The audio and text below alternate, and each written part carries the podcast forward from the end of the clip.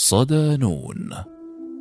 القاهرة الطبقية المجتمعية والمدينة.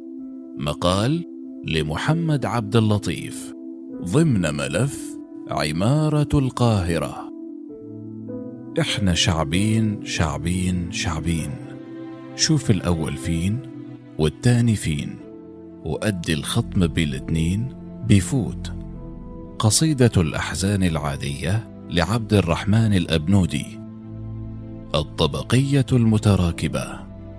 يبدو أن الطبقية المصرية ليست بتلك البساطة التي صورها الأبنودي في الأبيات السابقة فالطبقية المصرية معقدة متشابكة مركبة ونحاول اليوم في هذا التقرير استكشاف انعكاس الطبقية المصرية المركبة على القاهرة. وكيف تعزز تلك الانفصالية المجتمعية شكل المدينة الحالي؟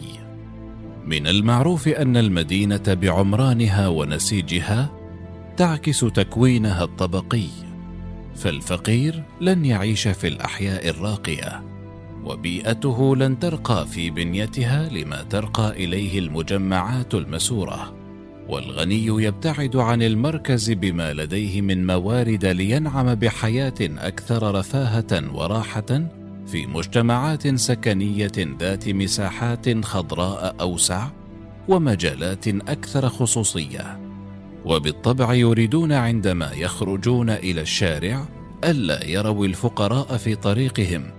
ليس لأنهم يكرهونهم بل كما يذكر أحد إعلانات المجمعات السكنية لأنهم يريدون رؤية أناس تشبههم. ومع الأسف فإن نمط العمران الحضري الذي حلم به الكثير بعد وعود الاشتراكية والقضاء على الإقطاعية وما بعدها من وعود الانفتاح والديمقراطية والعدالة الاجتماعية كانت كسراب بقيعة حسبناه ماء في أثناء ظمائنا لتقليل تلك الفجوة المجتمعية التي وصلت أعلى ما وصلت له في العقود الأخيرة.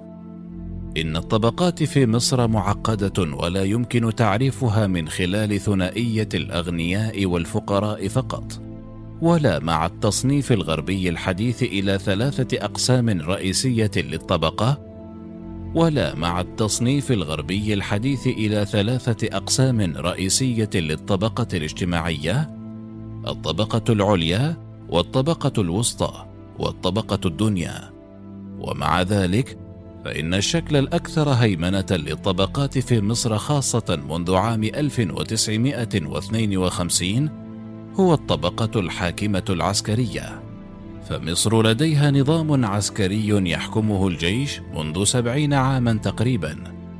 في مثل هذه الدولة البوليسية يتمتع الجيش وقوات الشرطة والقضاة والهيئة التشريعية بامتيازات فائقة لا يتمتع بها المواطنون العاديون. وبديهيا يجب أن يكون لهذه السلطة دعم مالي. لهذا السبب يمكن إضافة رجال أعمال أقوياء إلى هذه القائمة وهم يظهرون شكلا آخر من الطبقية كطبقية النخبة. من ناحية أخرى هناك شكل قوي آخر هو الحالة المالية فلا يهم الطبقة الاجتماعية التي تنتمي إليها طالما لديك المال. أحد أشكال التصنيف الأخرى التي لا يمكن تجاهلها في المجتمع المصري هو الدين ومصر لديها أقلية مسيحية تمثل نحو ثمانية بالمئة إلى عشرة بالمئة من السكان. ورغم أن المسيحيين المصريين يشتركون في الكثير من الجوانب مع الثقافة الإسلامية فإن تلك الطبقية لها دور ملحوظ في صراع الهويات في مصر فيما سنفصله لاحقا. في دراسة بعنوان الخريطة الطبقية ومسارات العدالة الاجتماعية في مصر الصادرة عن المركز العربي للبحوث والدراسات نرى أن التركيب الطبقي في مصر يتكون من ست طبقات. الطبقة المركزية المتحكمة والطبقة الوسطى العليا والطبقة الوسطى المستقرة والطبقة الوسطى الفقيرة والطبقة العاملة والفئات اللا طبقية الكادحة. ونجد أن نسبة الطبقية المركزية المتحكمة فقط 2% بينما الطبقة العاملة والفئات اللا طبقية تبلغ نسبتها معا 62% وتلك الحالة بالطبع مرتبطة بالفقر الذي هو مشكل رئيسي لشكل المدينة في يومنا هذا. الفجوة المجتمعية والشقاق العمراني. بدلا من مساهمة النظام الاقتصادي والاجتماعي والسياسي في تقليل تلك الفجوة زاد الانشقاق وأصبح مركز القاهرة طاردا لا جاذبا. وأصبحت أحياء كانت بالأمس رمزا للطبقة العليا فاقدة لرونقها القديم. وأدى ذلك الهروب إلى تمدد القاهرة بشكل جنوني متزايد. بداية من الستينات قبل انحدار أحوالها إلى القاع وظهور فكرة المدن الجديدة بعهد السادات ثم مبارك التي فشل معظمها في تحقيق أهدافه المنشودة. ومن ثم انتشار نموذج المجتمعات السكنية المسورة البعيدة عن المركز التي جذبت العديد من سكان الطبقة فوق المتوسطة والطبقات العليا وساكني أحياء القاهرة الراقية مثل الزمالك ومصر الجديدة وغيرها التي لا تبعد كثيرا عن أحياء الطبقة الوسطى مثل بولاق وعين شمس وغيرها. فتحولت المعادلة من المدن المتضادة المتداخلة إلى المركز الطارد والأجسام المتناثرة.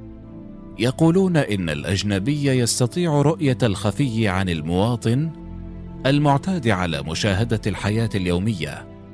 يقول أحد زائر القاهرة في الفترة الأخيرة إنه لم يكن يعلم أي شيء عن مصر بخلاف الأهرامات وأبو الهول والحضارة المصرية القديمة وأوراق البردي ولكن عندما خطى خطواته الأولى في القاهرة وجد أن العاصمة المصرية مختلفة تماما عما تخيله وعلى الرغم من سحرها الخاص الذي غمره واستحوذ على قلبه فإنه انزعج من الفوضوية والعشوائية والبيوت التي تبدو كأنقاض دولة محطمة ومشهد المباني غير المطلية والطوب الذي ظن أنه سيتطاير هواء فوق رؤوسهم. تلك الفوضوية القاهرية تمثل جزءا من المدينة لا يعكس حقيقتها الكلية. فالجانب الآخر من القاهرة المتمثل في المجمعات السكنية الفاخرة الحدائق والمنتزهات غير متوفرة لمعظم سكان القاهرة ولكن انتقال تلك الطبقات ذات القوة والتأثير لتلك المناطق الطبقية المنعزلة أفقد القاهرة الكثير من جاهها ورونقها السابق. فالقيمة الاجتماعية السابقة للعديد من الأحياء بدأت في التقلص مما اضطر الطبقات الأعلى للهرب من مركزها إلى الضواحي الجديدة والمجمعات المسيحية خارج حدود المركز للابتعاد عن الساعين خلف قوت يومهم من المهاجرين وأهل القاهرة. هذا الانفصال التدريجي أدى إلى الشقاق والشرخ المجتمعي بدلا من أن تكون العلاقة بين الطبقات علاقة تفاعلية مبنية على الإخاء أو حتى المصالح المشتركة. فالطبقة العليا تنادي في إعلانات التلفاز بالابتعاد عن القاهرة والذهاب إلى تلك المدينة الفاضلة التي من مزاياها أن الجميع يشبهون بعضهم البعض فيهم فمن هم هؤلاء الذين ستشبههم إذا انتقلت لتلك المدينة؟ بالنظر إلى الإعلان نجد أن ساكني هذا المنتجع السكني تقل بينهم المحجبات وإن كان هذا لا يعني بالفعل كون تلك الفئة الممثلة تماما مثل من يظهرون على الإعلانات ولكنها الرسائل الضمنية التسويقية ويقضي كبارها أوقاتهم في الحدائق ويرتدون ملابس التريض وتبدو عليهم جميعا مظاهر الصحة والسعادة والرضا بالعيش. وعلى الجانب الآخر امتلأت شبكات التواصل الاجتماعي بالإعلانات الساخرة المضادة التي تعرض ويا للأسف بضعا من حقائق العيش في الجانب الآخر من القاهرة فكان لهذا الإعلان دور كبير في توضيح الفارق الطبقي في نسيج القاهرة أو ما سمي من قبل بالمدن المتعددة داخل المدينة الواحدة. الدولة والتخطيط الطبقي يكشف لنا المهندس حسين صبور في أحد لقاءاته التلفزيونية أن سبب إنشاء القاهرة الجديدة بدأ من التخطيط للطريق الدائري. فيوجد بموقع هذا الطريق العديد من العشوائيات. فاقترح فريق التخطيط الفرنسي آنذاك بموافقة الدولة أن تلك العشوائيات ستنقل إلى الخارج مما يؤدي إلى إخلاء مناطق ذات قيمة مرتفعة بعضها يقع بالقرب من النيل ويبلغ عدد سكانها نحو مليوني نسمة. وذكر أن السبب الرئيسي لذلك كان اقتصاديا حيث سيتم إجلاؤهم إلى مساكن محترمة على حد قوله والاستحواذ على أراض باهظة الثمن يحتلونها في ذلك الوقت وخططوا لذلك بإنشاء عشرة أماكن حول القاهرة كل منها يتسع لمئتي ألف نسمة جزء منها في شرق وجزء منها غرب الطريق الدائري. وسميت تلك الأماكن بالتجمعات ولكي تكون تلك العملية العمرانية ذات سرعة وسهولة ملك كل تجمع لجزء من الدولة.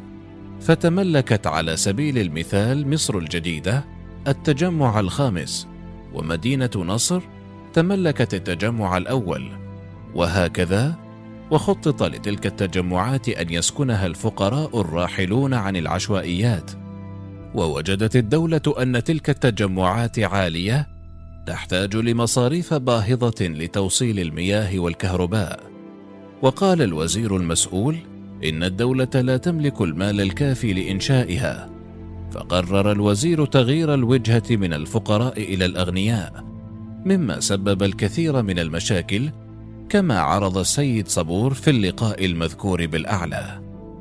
ما نستطيع استنباطه أن الدولة لأسباب عدة انهمكت في التخطيط للأغنياء إلى الفقراء وهدفت الحكومة إلى بيع الأراضي للشركات الاستثمارية التي تسابقت في بناء المجتمعات المسورة ذات الأسماء اللامعة.